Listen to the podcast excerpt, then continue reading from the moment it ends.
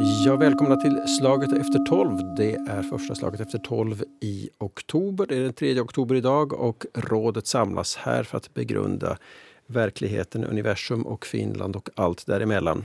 Jag säger välkommen till Gitta Dahlberg. Hej! Hej, tack, tack. Klaus Bremer här på plats. Hej! Ja, hej.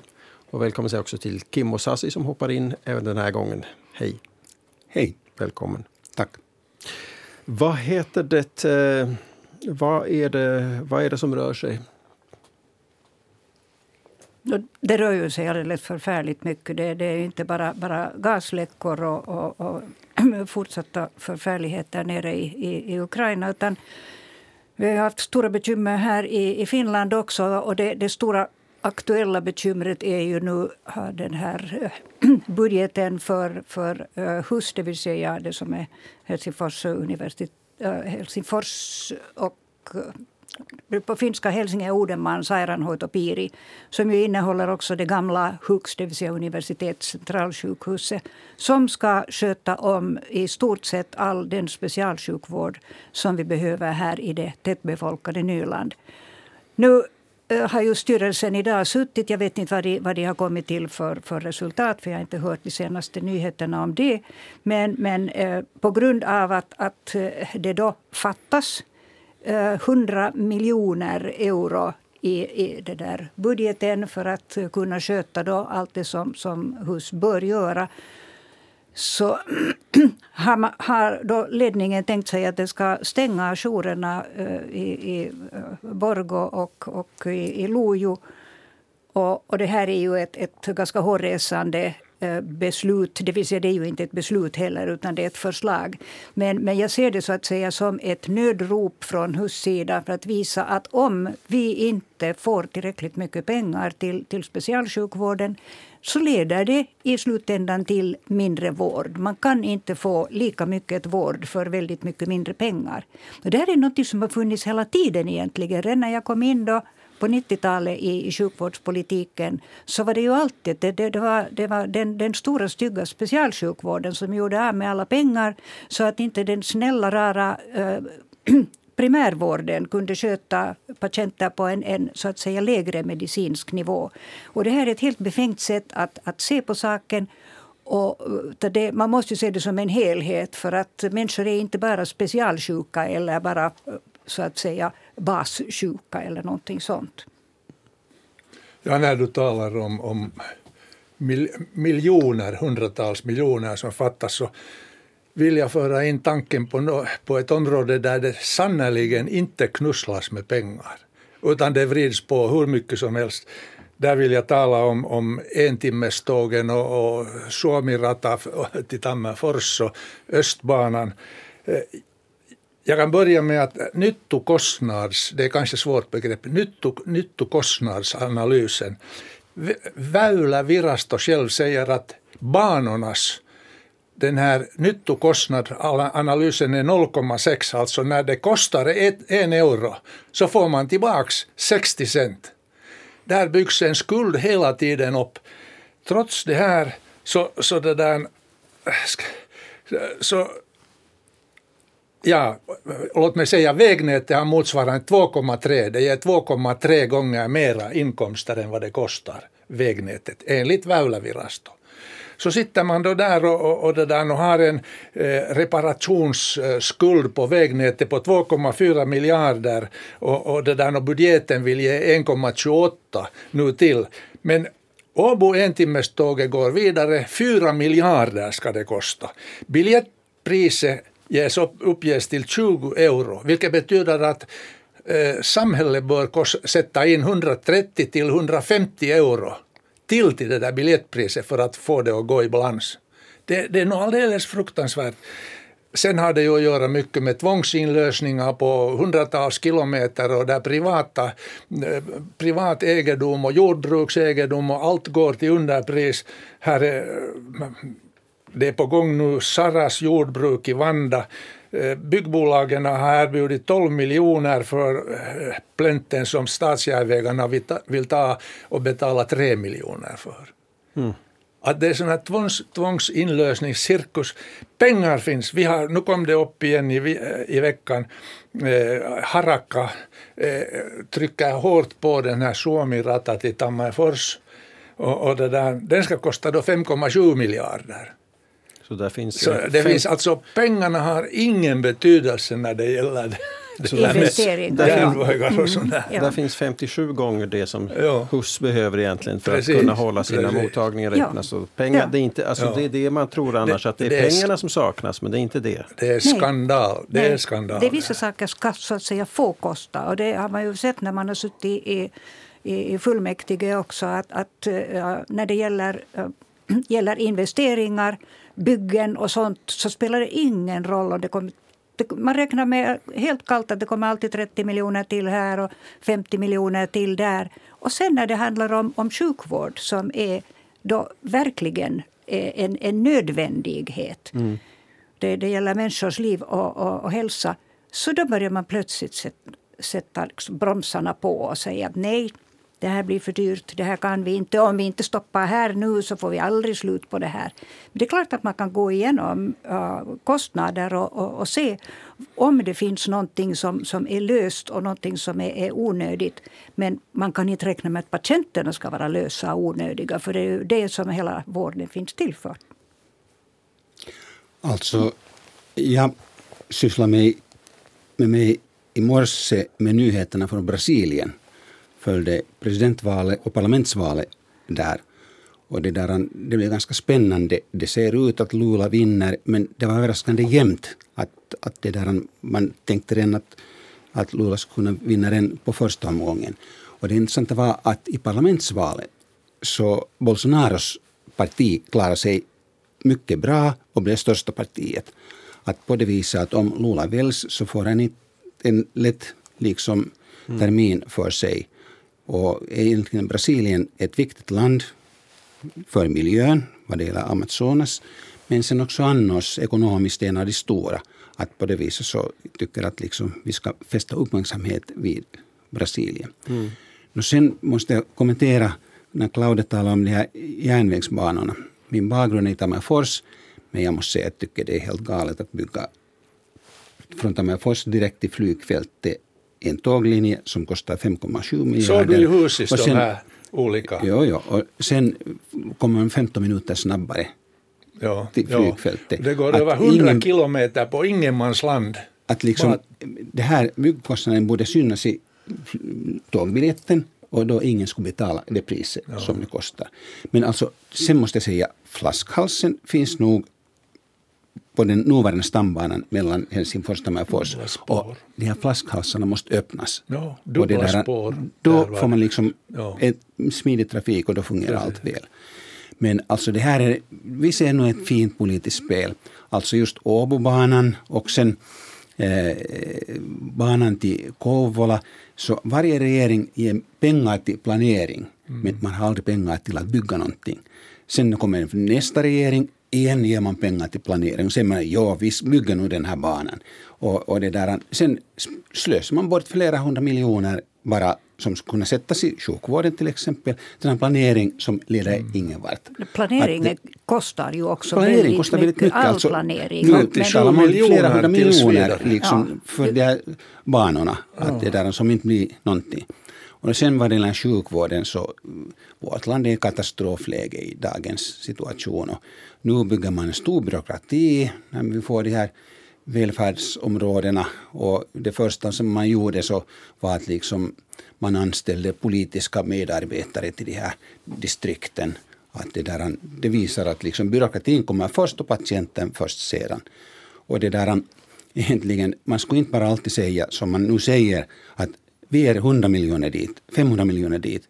Det är inte alltid lösningen. Vi borde alltid titta, vi kan göra det här mera effektivt. Och det där, om man skulle köpa eh, hälsotjänster från privata sektorn så skulle vi lätt kunna spara 100 miljoner. Och sen skulle man kunna skapa mer resurser till Lojo och Borgå och på det viset liksom rädda de här. Att det är också effektiviteten och sen att man leder de här organisationerna ordentligt. Att det är sådär att liksom om sån här vanlig statsbyråkrati så då är det klart att liksom det är ineffektivt och man får inte bra service. Tack. Jag kommer ihåg när, när jag satt i, i husstyrelse och vi skulle skriva en, en ny strategi för, för hus.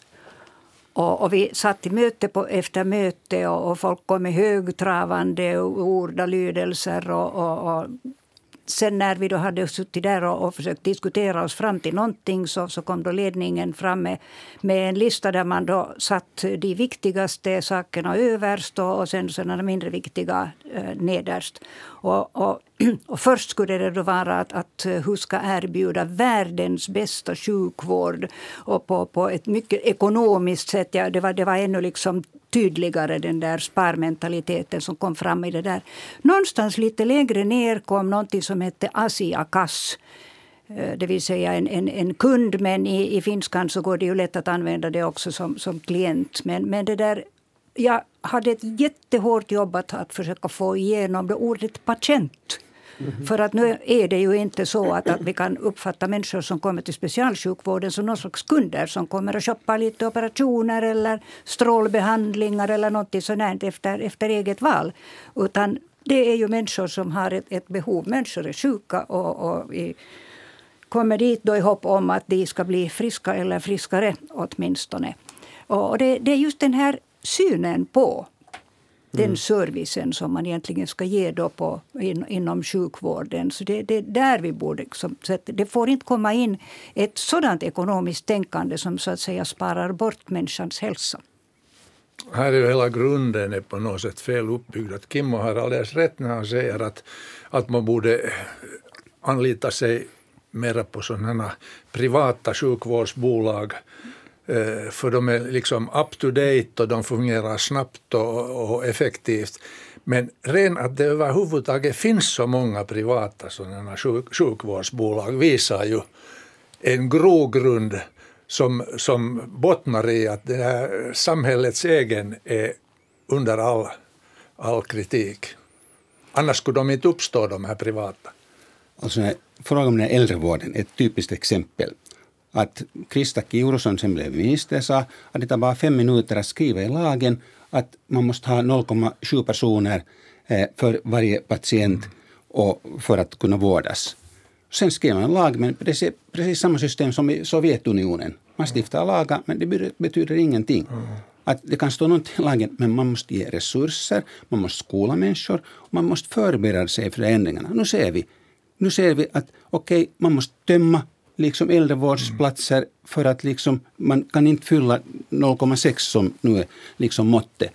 Att på det viset så man borde vara mer flexibel, inte skapa flaskhalsar någonstans i akutvården som det nu sen blir. Och det där ha en sån helhetssyn och inte liksom av politiska skäl för att vara populist säga okej okay, vi fixar det här och sen lämnar man allt annat ogjort. Ja, vi börjar vara inne i en sån här situation där, där det är samma sak som att i, i Stockholm ringa efter en taxi. taxi var god dröj. Här kunde man då översätta det till, till sjukvården var god dröj. Och, och nu är det nog väldigt mycket sjukdomar som, uh, där väntan är liksom den största fienden för, för att sjukvården ska, ska överhuvudtaget kunna kunna lyckas. För att om man inte eh, kommer, kommer in på, på undersökning så kan det ju inte heller konstateras vad man lider av. Och kan man inte göra det så kan man heller inte eh, uh, sättas i, i, i kö eller komma raka vägen in till, till sjukvård. Jag måste säga att jag har, från de allra senaste veckorna så, så har jag goda erfarenheter nog av av hur, hur väl uh, vår specialsjukvård uh, kan, kan fungera när, när det går riktigt bra. Men eh, jag har också personliga erfarenheter av, av hur det kan gå väldigt illa när den inte fungerar så som den borde. Men för att återknyta lite till det här som, som Klaus eh, talade om här, då, att man skulle köpa de där tjänsterna från privata bolag och att det finns väldigt mycket sådana.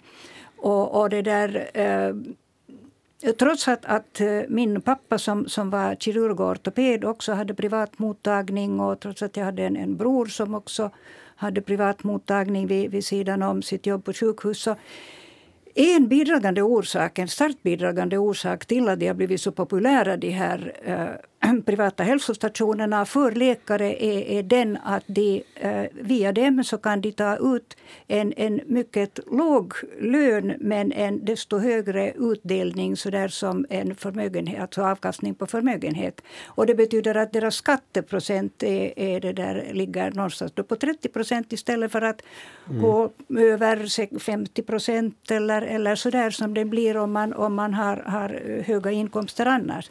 Att det, det här är en sak som vi inte heller ska glömma. Det är ingalunda så att det är bara läkarna som, som kan utnyttja då den här möjligheten. Det, det finns advokater och det finns andra också uh, inom, inom businessen. Men, men vi ska inte enbart se det som, som liksom då en altruistisk verksamhet som då de här privata hälsostationerna ägnar sig åt. Utan det, det är ren och skär business men det är också till gagn för patienterna. Vi ska säkert återkomma om de här frågorna. Det här låter ju som tre, ni alla erfarna politiker. Eh, jag tycker att det här har skötts, den här övergången till och den här vårdreformen här i inledningsskedet kunde ha skötts bättre. Eh, vi ska återkomma om detta, kan jag redan nu lova. Och eh, vi ska nu fundera också något som vi hade utlovat här, att prata om annan infrastruktur än tåg, nämligen gasledningar. Det har bubblat i Östersjön förra veckan. Vad är det som händer? Ja, ja, om jag börjar, det bubblar där och det sprängs. Och jag tror att, eh, så som många andra tror, att det är nog för att vända för ett ögonblick blicken hit till Östersjön. Eh, Putin-ledd taktik. Men jag tror att, att eh, den kör mot en vägg. Det farliga är ju, de visar ju att de är bara 500 meter från, från elektriska kabeln mellan Sverige och, och Polen att man kunde visa där att vad, vad, som kan hända. Å andra sidan måste jag ju säga att han är ut, ute i ogjort vatten för att om någonting händer så blir de facto Östersjön mycket snabbt en insjö. Och, och, där har inte ryssarna mycket att uträtta. Eh, man sätter upp kanoner och, och missiler Eh, där kring danska sunderna och ingen kommer igenom som man inte godkänner så ryska flottan i Kaliningrad sitter nog väl instängd där och har inte mycket, väntar bara på att bli torpederad. Så man kanske inte ska ta det här så allvarligt. Men det som man ska ta allvarligt det är faktiskt det här pratet om att börja använda atomvapen i hurdan utsträckning som helst. Eh, det finns mycket små atomvapen, men jag vill säga att Hiroshima-bomben var 15 kiloton till styrka. Man använder ett sådant här begrepp som kiloton som mäter effekten. 15 kiloton. Vet ni vad, hur mycket man kör med idag? Man kör med 400 kiloton idag för en enda missil. En enda missil med en sån här, jag vet inte vad ydinkerki är på svenska. Kärnspets. Kärnspets brukar det Kärnspets, okej. Okay. Och, och, det där, man kan skjuta dem, det finns då taktiska och, och, och strategiska eh, användningar av det här vapnet, men när vi kommer till strategiska så de skjuter en missil 10 000 kilometer. Och från hög, hög höjd så kan den dela med sig fyra sådana kärnspetsar med vardera 150, alltså 10 gånger Hiroshima-styrka, 150 kiloton. Det är något alldeles rysligt. Taktiskt kan man använda ner till fem kiloton mm. och bara skjuta dem en par kilometer, fem kilometer hit och dit. Att, att det där, människor tänker ofta på atombomben som något stort men att, att det finns också de här små. Om han nu börjar köra med de här små för att försvara sina Donetsk, Donetsk och, och whatever där nere det, då, kan, då finns risken att det växer mycket stort, mycket snabbt att det är ganska hemska utsikter. Alltså om du är kriminalinspektör och du har inte hittat på vapen som vet att i detta fall det finns inga bevis om vem som har gjort det. Så sen frågar du vem har motiv? Nå, man kan tänka sig att okej, okay, miljöorganisationer så vill inte att liksom man bränner eh, gas i Europa. Nå, vi vet att det måste vara någon statlig aktör. Det skulle vara för besvärligt att Greenpeace skulle kunna gå dit och liksom spränga någonting. No sen kan man tänka USA, okej okay, de kan sälja kanske lite mera gas till Europa. Eh, men jag tror att de kan sälja allt de kan producera och leverera till Europa för tillfället. Att deras intresse är inte så stort och sen dessutom om det skulle liksom visa sig att det är USA som ligger bakom samarbetet mellan Europa och USA så demoliseras helt. Att liksom, det skulle vara en total katastrof. Att utan att liksom informera skulle inte USA göra någonting. Sen finns det bara egentligen bara ett tredje land och det är Ryssland. Och sen kan man fråga, vad är Rysslands motiv? Nå först, en möjlighet är att detta hände samtidigt som man hade de här eh, eh omröstningarna i de här eh, republikerna som sen anslutit sig till Ryssland. Och det där han tonade ner det. Och, och sen kanske det går lite dåligt för Ryssland i kriget i Ukraina. Så på något sätt liksom fästa ryska publikens uppmärksamhet vid de här sprängningarna som har fått stor synlighet i Ryssland istället för att liksom man talar om Rysslands framgångar eller icke-framgångar i Ukraina. Men sen det värsta är att det där, om det blir oklart vem som ligger bakom så när det blir lite kallare perioder så det finns också andra rör som är i bruk för tillfället. Till exempel från Norge till Tyskland. Och det, där, det här kan vara en viss förvarning att det där, man kan göra något sånt som faktiskt sätter oss i mycket svår situation. Och nu ryssarna talar och Kina talar också att hur kallt det blir i Europa och de svårigheter vi får. Och det, där, det här kan vara en möjlighet att ryssarna nu säger sen till, till exempel till USA att om ni levererar vapen i viss mån till Ukraina så kommer ni att se någonting som är fortsättning på detta. Okej, Putin går inte till torget och säger detta, men de kan på något sätt förmedla det här budskapet att ni måste lite fundera på att vi har medel att liksom ha inflytande på Europa och det, där, det sätter oss i ett ganska svårt läge. Trots detta ska vi försvara Ukraina. Det, det, är just det där hotet som, som eh, Putin åtminstone räknar hela tiden med att, att, eh, att ska bita. Och det är klart att den som vill förstöra någonting kan alltid förstöra. Och det är bara frågan om att vad vill man eh, få ut ur, ur det här förstörda sen. Då, liksom, vad, vad händer efteråt när, mm. om Europa ligger i, i, i ruiner, värre ruiner än, än efter andra världskriget? Men att det är den, den här sortens uh, krigföring, som, som är psykologisk krigföring som man ägnar sig åt. Och, och jag tänker mig nog att, att de här uh, sprängningarna av de här gasledningarna uh, delvis det att, att rikta strålkastaren åt annat håll medan man sysslar med mm. någonting nere, nere i Ukraina eller, eller i Ryssland. Men uh, samtidigt också just det här att, att, att skrämma människor. Och, och utan vidare skrämmer man ju människor. Men det som jag också funderar på här, som är nu en liten parentes egentligen. Jag skulle vilja veta att hur känner sig månne Paavo Lipponen nu i, i det här sammanhanget? För han kom ju att, att eh, agera någon slags mannekäng för det här gasledningsbygget då i, när, när, det, äh, när det skulle fattas beslut i, i Finland och, och, och Sverige. Och, och nu när vanligt folk då hyste en oro för det här så var han ju då den som med sin trovärdighet och sin, mm. sin pondus kunde, kunde få människor då lite mer lugna sig. Att här ligger, ligger inget hot i det. Men, men det, det är ganska klart. Allt som är alla brännbara ämnen, alla explosiva ämnen och sådär som där, där man lägger ut dem så, så finns det risker att, att det sker olyckor. Och, och, och, och väldigt lätt kan då en, en eh, envåldshärskare som man nu vid det här laget nästan måste kalla Putin mm. se, se till att det händer saker och ting. Men jag, jag oroar mig nog för den här hybridkrigföringen.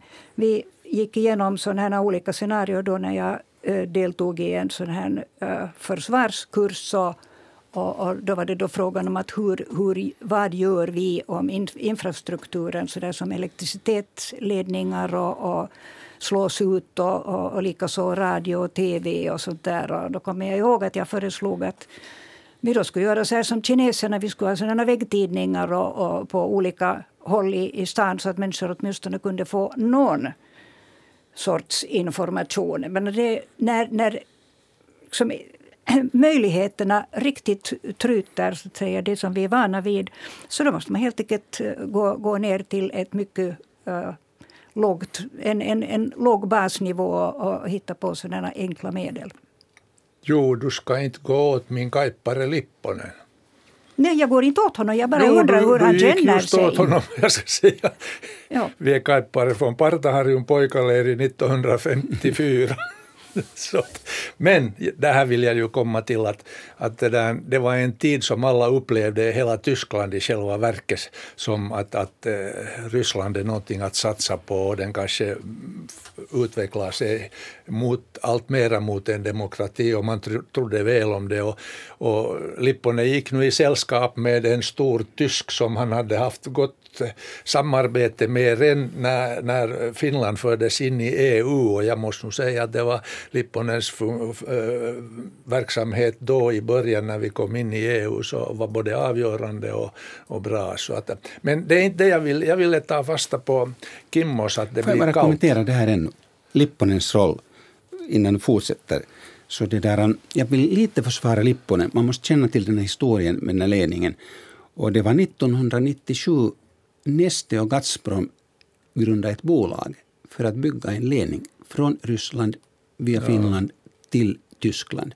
Och jag minns i Lipponens andra regering, där jag satt som minister, så det där, vi tyckte att det är en ganska bra idé att liksom transportera gas från Ryssland och sen Neste får till Helsingfors och sen skulle man leda, ta en ledning också till Stockholm, ja. där vi hade verksamhet där, och sen till Tyskland.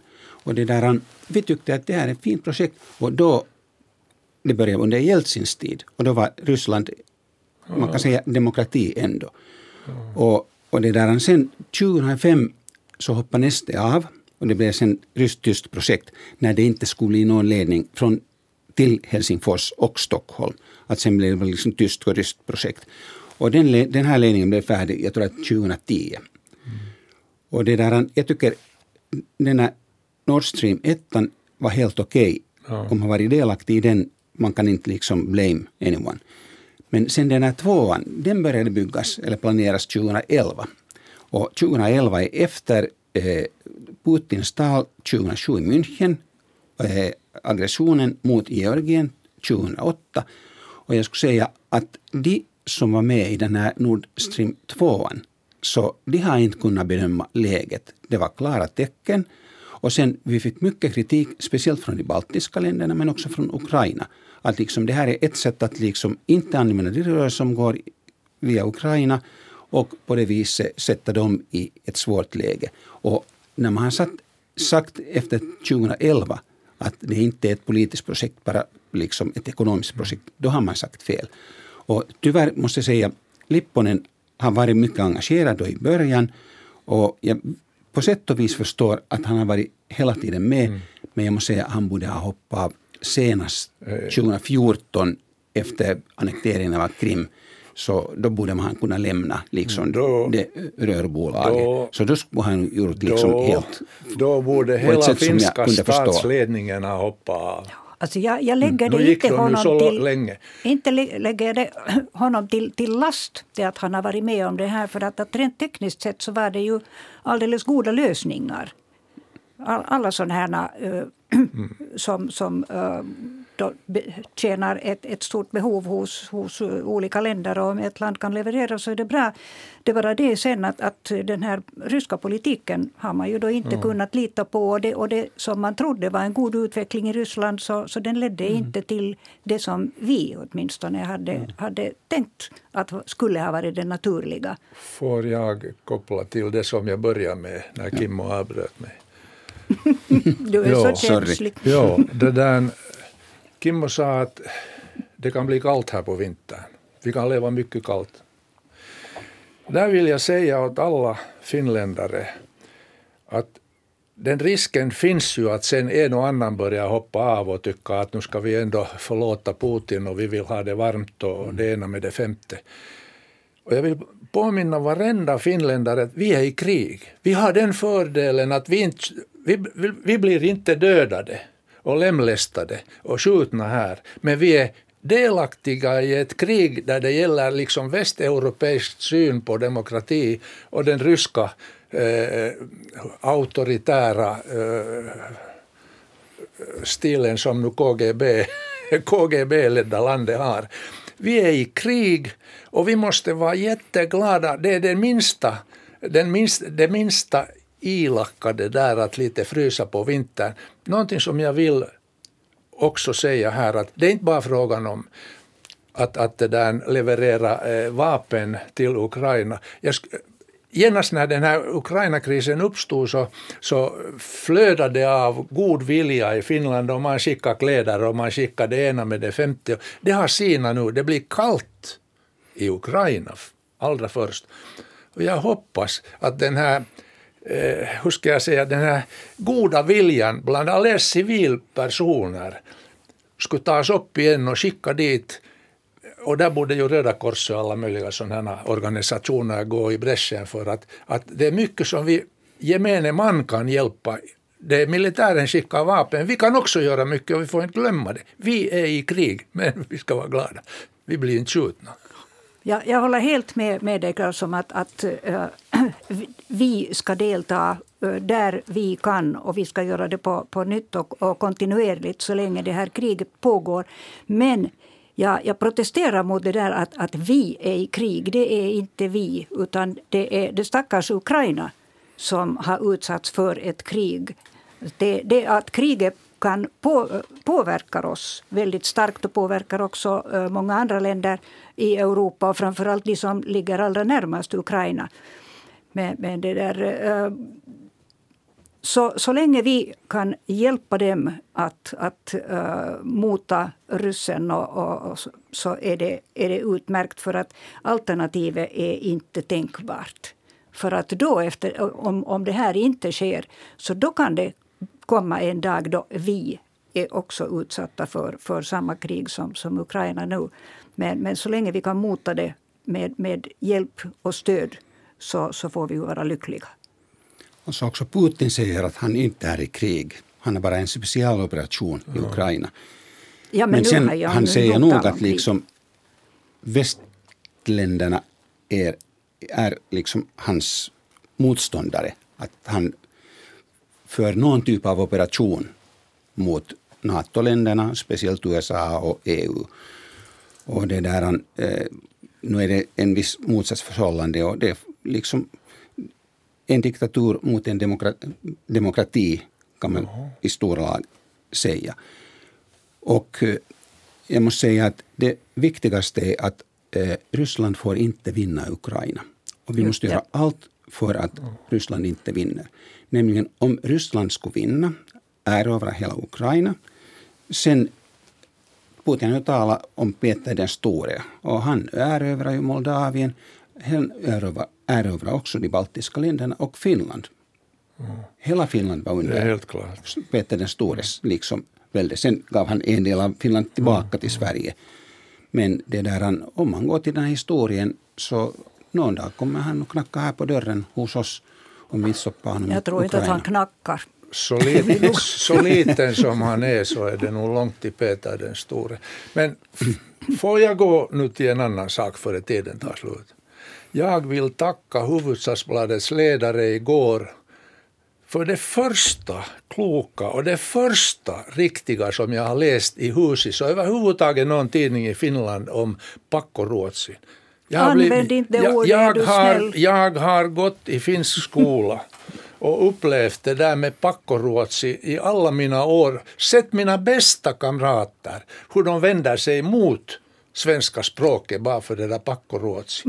Och det är, låt mig säga, låt mig tala till slut, det är en jävla Potemkin kuliss hela det här med pakkoruotsi. Som svenskarna tycker, tittar på, på att okej okay, det här räcker, vi har gjort vårt. Skräp också det, alltså, det fungerar överhuvudtaget inte och det har inte fungerat det var ju under alla dessa år. Det var ju Virolainen som fick igenom det här ja. obligatoriet. Då när jag var, var, barn så inte läste de ju uh, svenska i, i, i folkis. Så det kom först sen på ett senare, alltså, senare stadium. Jag måste säga, det är lite synd. Alltså nu när valet närmar sig så Sannfinländarna och Svenska folkpartiet mm. vill lyfta upp den här språkfrågan. Mm. Och sen kan man föra krig och liksom engagera sina egna liksom, fo, eget fotfolk för att liksom styra sina tankar.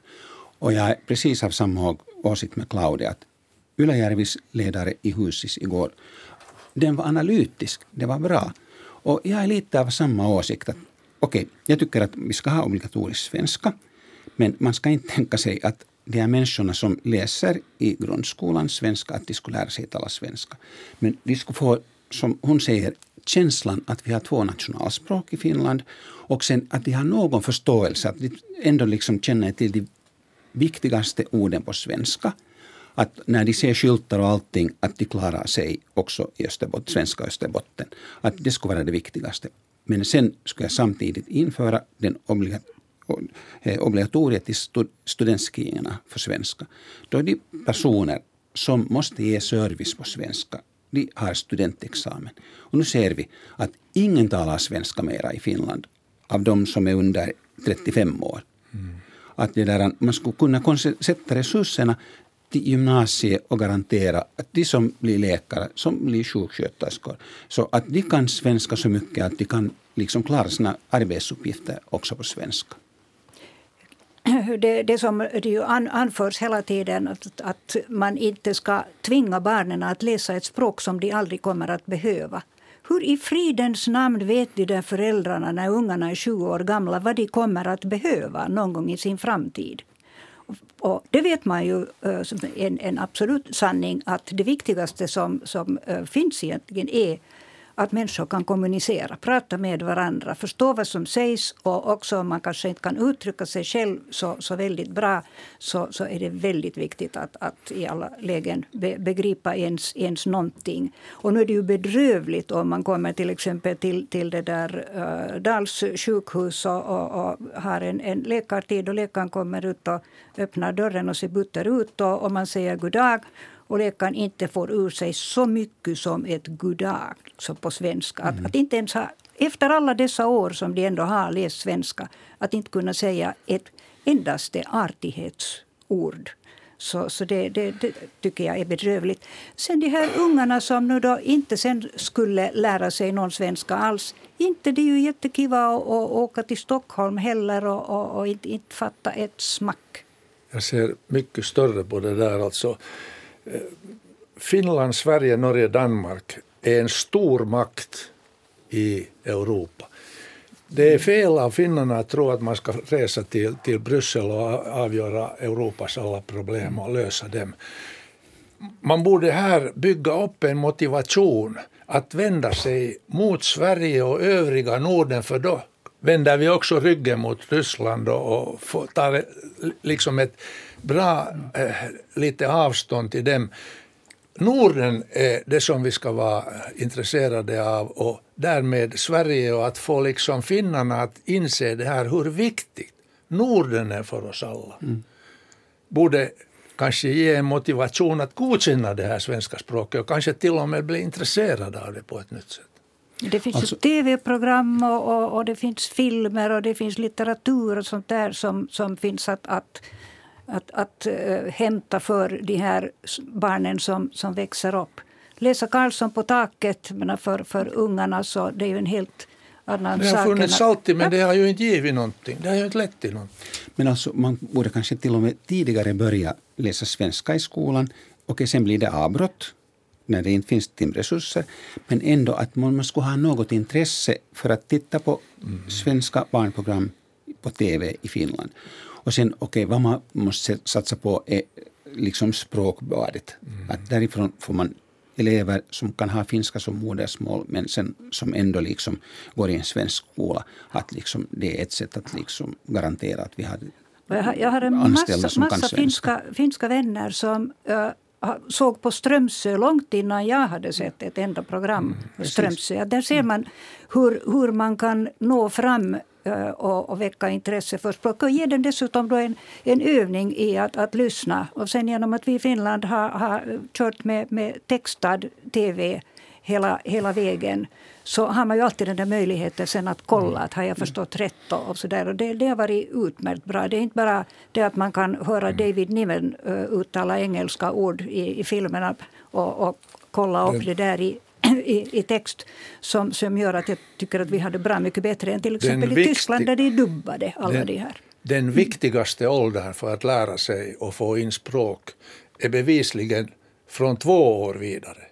Därför är de här dagisarna så tidigt som de börjar, precis som Kimmo sa, börja med lek, börja med jolla, börja och, och leka på svenska, allt det där att köra in dem, det är det snabbaste. Jag kommer ihåg en aktualitetsdebatt i, i riksdagen om språket och svenska språket i allmänhet och språk i allmänhet.